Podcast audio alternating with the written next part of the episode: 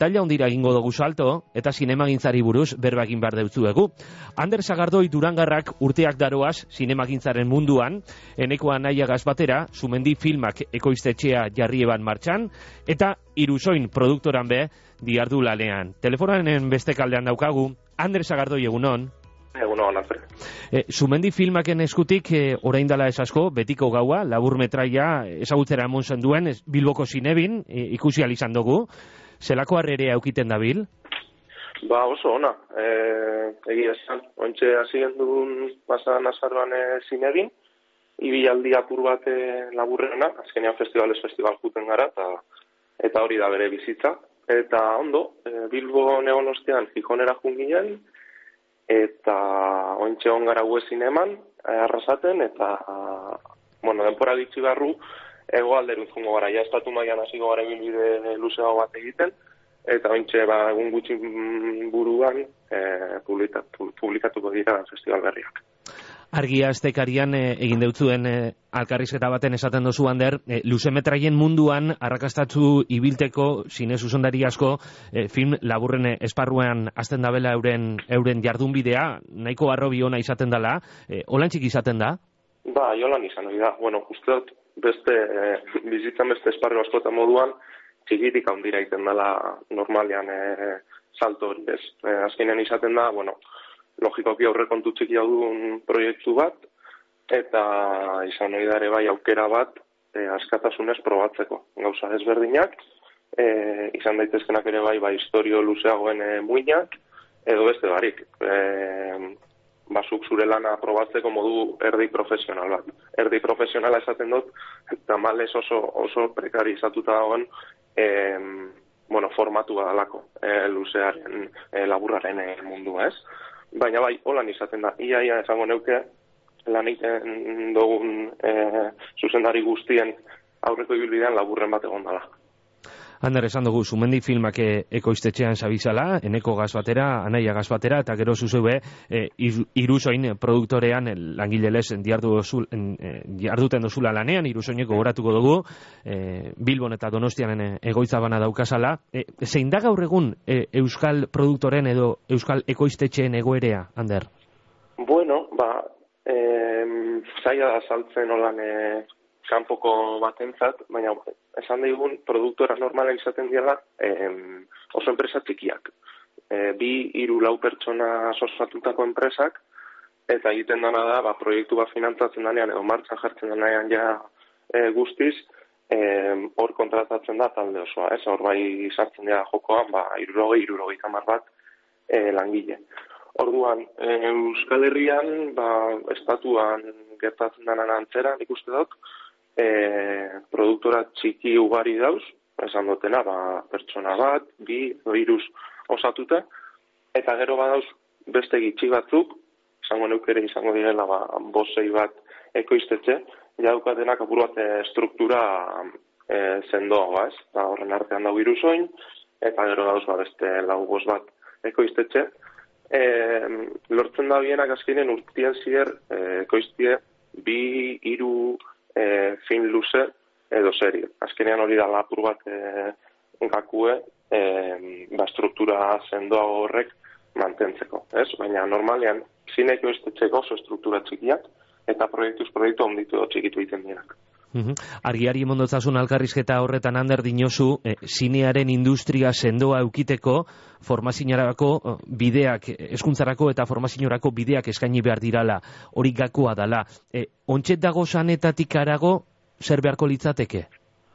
Bueno, beharko litzateke, eh, azteko, nik ustot, eh, kontzeptzio bat, eh, profesionalizazioaren beharraren inguruan, ez? Eh, eh, uste dut, gaur gaurkoz e, badula zentro ikaragarriak hemen Euskal Herri mailan, e, baina uste dut ere bai e, lanaren karga, ez da la sektore askotan gertatzen, lanaren karga e, horren oso gainetia dela. Osea, gu bizi dugu nahi momentuan da mila proiektu inguruan, batez ere bizkaian, e, eta eskara teknikoen zenbatekoa ez da nahikoa. Eltzeko eltzeko, bueno, ba, behar horretara, ez? Egia ere, igual, ezoiko momentua bizitzen ari garen ointxe e, bai bizkaian eta bai euskal herri mailan. Baina, bueno, nik bai votatzen, votatzen dut faltan, e, esan daigun, e, estudio, bueno, ba, unibertsitate publiko batek eman beharko luken babesa eta eta, bueno, apur bat laguntza ez, tekniko horri, e, kanpora joan ez daiten, batez ere, ba, Barcelonara, Madrid edo hemen bertan ere, e, itunpeko zentretan ibili behar ez daiten, ba, eskuntza publiko baten beharra. Mm Kasualidadea gaur gabiz alkarrizketa hau egiten eta gaur goizeko amaiketan Bilbon Zabalgune plazako eraikinean Ainara Basurkok eh, Bizkaiko Foru Aldundiko ekonomia garapenerako diputaduak eta Xabier Otxandianok arlo bereko Bilboko udaleko zinegotziak eh, gai baten inguruko prentzaurreko amon behar dabe, gai horrek e, pelikulakaz eta ikusentzunezkoakaz erikusia dauka eta Bizkaian grabautako eta sortutako mota hortako edukinen balantzearen barri emongo dabe, datuak goizeko amaiketatik aurrera esagutuko dugu, baina egia da, eta guri bepasainaku, aurreko egunean, irretirako bidian, e, bapatean, Paco León aktorearen azkenengo pelikulea grabetan egozala konturatu ginen, e, zera guri bitarteko aldatzetatik gora, ona, gure irretira egoteko e, elevadorea, igoailu hartu, eta atea zabalduta antxegoan Paco León e, estena bat grabetan, eta itxaron behar izan gendu, normala moduan, E, eta kontua da, ez dala azkenengo sasoian hau salbu espen bat, e, bizkaian gero eta produktu gehiago grabeten e, dabisalako, gero eta gehiago dira mota ontako sorkuntzak, bizkaia modako lurralde bihurtu da, Ander, edo segaiti dabil fenomenoa gertatzen? Bizkaia, bizkaian ez da gauza askorik aldatu esan digun, e, e, alde estetikotik, aldatu dana da alde finantzerotik, ez? E, pizgarri fiskalen e, mekanismoak asko betu dira, azken urtean, jarri dira martxan, e, bueno, asko laburtzearen, e, portzentaia batuta laguntzen dituzte euskal, bueno, euskal eta euskaldunak ez diren e, koizpenak, e, eta hori izaten bide bat e, finantzazio gehiago lortzeko. E, zer izaten da kritikoa edo erabilgarria finanziazio hori maksimizatzeko lurraldean bertan grabatzea. E, orduan, zer gertatzen da, ba, bueno, guk datorren astelanean hasten dugu e, pelikula berri bat, e, gernikan grabatuko da euneko laro edo laro marrean, eta gero, kanpotik datozen, edo bertakoak diren, beste pelikula askon e, grabatzeko inguruak ere, ba, Bilbo, Bilbo handia, eta inguru horrek izaten dira Orduña ere, nire grazia egiten ditu orduñak, ze izan da lurralde bat, bueno, ondan erdi, bueno, erdi urruti ez, danetarako ostera hori, Ba, badukan solako paisaia berezi bat eta bat irtetzen dena e, bizkaia esan digun orokorretik, ba, orduan da azkenengo urtean ustot bi iru fin luze grabatu dira. Orduan, e, oin zoramena izaten, nabili bakito momentuan, lau bost ekoizpen gutxienez batera nabiltzen grabatzen e, bizkaia bilbo inguruan. Orduan, bueno, e, zerbait aldatu dela bai, argi dago, izagarri fiskalena izan da arrazoi nagusia, ere bai. Orduan, bueno, e, suposatzen dut orte joango da lagur bat e, e, komentatu dozun e, bueno, elkarrizketa guzti. Uh Aner, eta ez esan minutun, Gernikan grau behar dozun horretaz, zo zera aurreratzeri bai, ze, zeri buruzko pelikulea izango da? Ba, ba ditze aurreratzerik, oraindik ez talako publiko egin guztiz, baina, bueno, bai esan dezakeguna da, e, David Zainudon pelikula berri izango gala, e, David Zainudon e, pelikulan zuzen daria, e, Gido Jonenaren goien zafia irabazi zuen dalaia ba, bi urte, eta eta horraino, e, datorren astean zehar ja bidaliko da prentsa bar nagusia, eta eta hor gabiz, eta euskeraz izango da, bide batez. E, mm Orduan, bueno, e, ba, aurreko asteak izaten dira gogorrenak egia esan, gero ja behin martxan dagoenean, bueno, apur bat e, dana bere bidetik ez, baina, mm. bueno, dira egun lanpetuenak. E, pizgarri fiskalak aitatu dozuz, egia da pizgarri fiskalak asko laguntzen dabela pelikula baten, baina sorkuntza honik barik gero arrakastarik ez dator, eta ane aitatu dozu, handia, irati, 20.000 espezies de abejas, robot dreams, loreak, errementari, amama, Euskal pelikula arrakastatzuak eh, ezagutu izan duguz, urtea joan urtea etorri, emoten da bonek ez daukala etenik, ez da mugarik be, e, sekretua zein izan daiteke lauste dozu? Buf, ba, ba ez dakit, nik uste dute danan nazte, nazte bat dala, ez, egia da, egon direla horre mugarritzen diren pelikula batzuk, eta horrek igual, e, zineztarazi guri baino, igual e, beste instituzioi eta industrian doen beste eragile batzuri, telebista privatuak eta bar, e, ez daukala inbeste garrantzia, e, zein izkuntzan kontatzen den pelikula bat, historio hori ona bada, edo historio horrek bideiatu dezakez, e, bere jatorrizko lurraldetik aratago. Ez, e, nik uste horren adibide argiak daudela e, Euskarazko zine munduan, e, handia irati da gaur egun e, historian egon den Euskarazko filmik e, bueno, diru gehien jaso duen filma, baina gero ere badaude beste hizkuntza batutan. Pasadan urtean, e, bueno, e, zarrerari gehien saldu zituen, edo gehienetariko bat saldu zituena, azbestaz izan zen.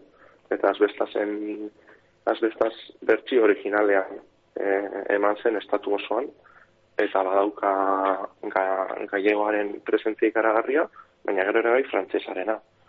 Eta pelikula hori, hori guztiz, e, bertsi originalean eman zen, e, estatu osoan. Zegero, oiko izaten da dibez irati handia eta bat, e, Euskal Herrian e, Euskaraz ematea, baina bikoiztuta ere bai, edo aspidatzita ere bai gaztelenara. Baina zegero, estatu osoan zehar, normalean, euneko laro gehi, laro gehi tamarrean, bikoiztuta ematen da, gaztelenara. Orduan, ez da bakarrik Euskal Sinema sendotzen doala, baizik eta nik ez du dala, e, koentzumo iturak eta, eta zilegitasunak ere aldatzen doazela, eta zorionez, e, Euskarazko filmek e, Euskaraz izatea albidatzen duten seinale batzuk e, ja konfirmatzen da bizena. Uh e, gorunzko bidea agerikoa da, baina un nino osoko puru txikiei buruz egiten dugu berba, e, berriagunkariak aurreko astean titular baten inoan, ego euskal herriko zinearetoetan, 2008an, filmen, pelikulen, euneko bikoma bost behetzala euskeraz izan, e, datu horren inguruko segogo eta egiten dozu der? Bueno, eh, jarri behar da lapur bat ez du inguruan, ez? Azkenean, e, urtean zer estrenatzen dira, ez dakit, bosteun, bosteun eta berrogeita marre pelikula, orduan, e, claro, guk dauzkagun baliabideak dauzkaguna dira. E, jaurratitzak ematen duen laguntza, e, ETB ematen dituen eskubideen erosketak, eta horrekin daukagu, zan digun, e, baliabide kopuru bat, e, pelikula batzuk egiteko, ez, kopuru bat, e, testu inguruan jartzaren urtean Eusko Jaurlaritza laguntzen dituen film luzen kopurua e, fikzioa zenabil orain, e, bost zei pelikula izaten dira. Eta bost zei pelikula horietatik bat edo bi izaten dira Euskaraz. Orduan, e, eskoa da protzentai hori handitzea, e, espaldin badago laguntza publikoetan e, igoerarik. Orduan, em, testu inguruan jarrita oso zifra hurria da gero sartuko ginateke apur bat aipatzera, em, bueno, bikoizketaren edo aspidatzien euskarazko kontua nola da bilen. Ez, ez begiratzen dozu ze pelikula estrenatu ziren euskaraz pasan urtean, eta lautik hiru e, dokumentalak ziren, e, eta gero bikoiztuta edo aspidatziekin iten diren beste pelikula gehienak euskaraz, e, ume bideratuta daude. Mm Orduan, em, arazoa dago nik uste dut bi aldeetan, ez? Denengoa eta nagusia ekoizterako momentuan e, zenbat pelikula finantzatzen diren euskera urtean, eta hori esaten dizute, dala ere bai e, instituzioen beharra, eta ere bai gure erantzukizuna, ze pelikula ekoizten ditugu, pentsatzen ditugun, eta prestatzen ditugun euskera izateko. Orduan, em, egoera larria da zentzu horretan, eta hain bago eta daude mai gainean, ez?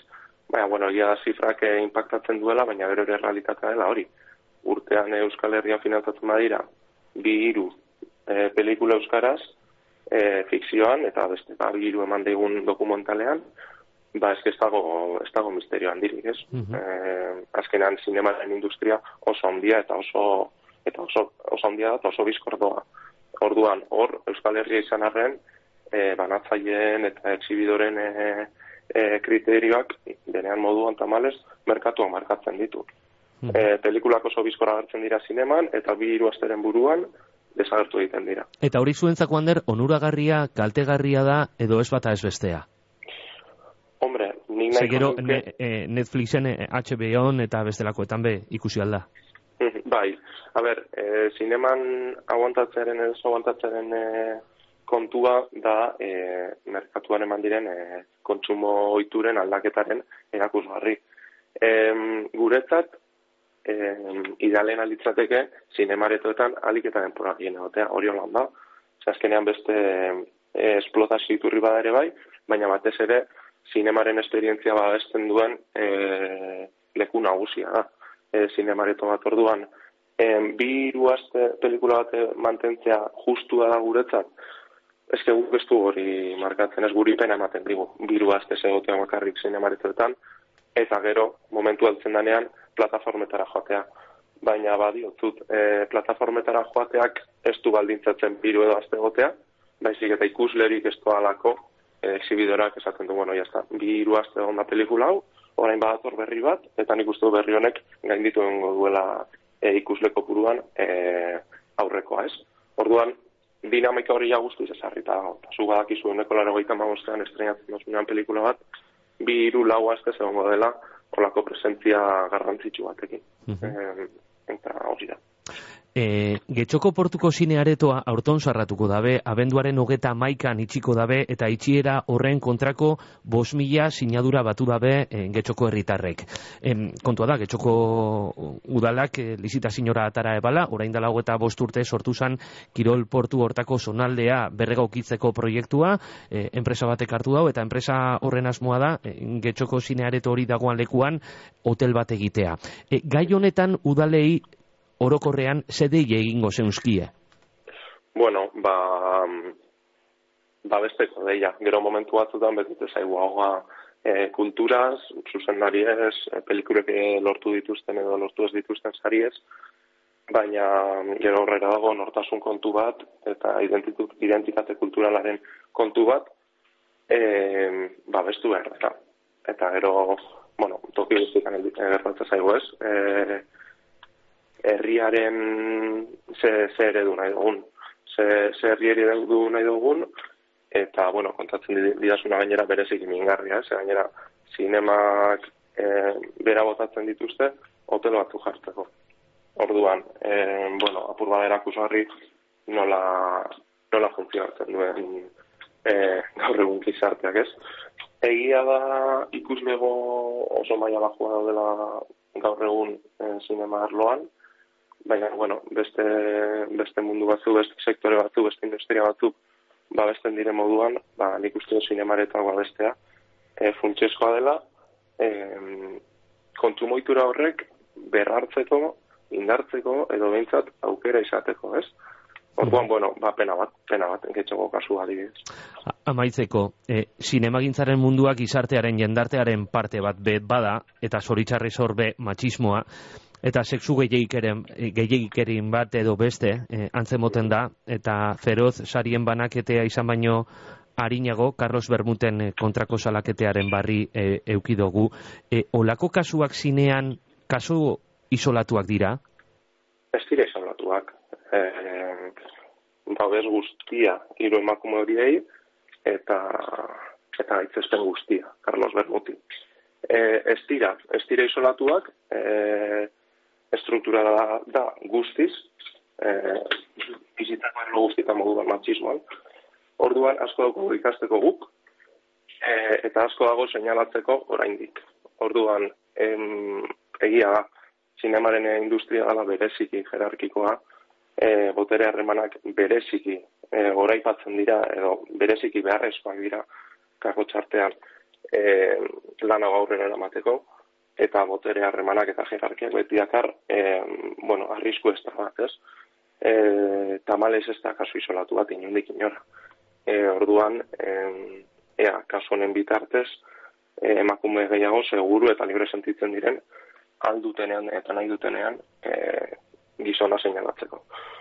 Orduan, e, ba oso gore larria, eta berra purka-purka ikasten dugu, ze, zergarrezkoa dela, e, uste dut inork ez dagoela zalantzarik.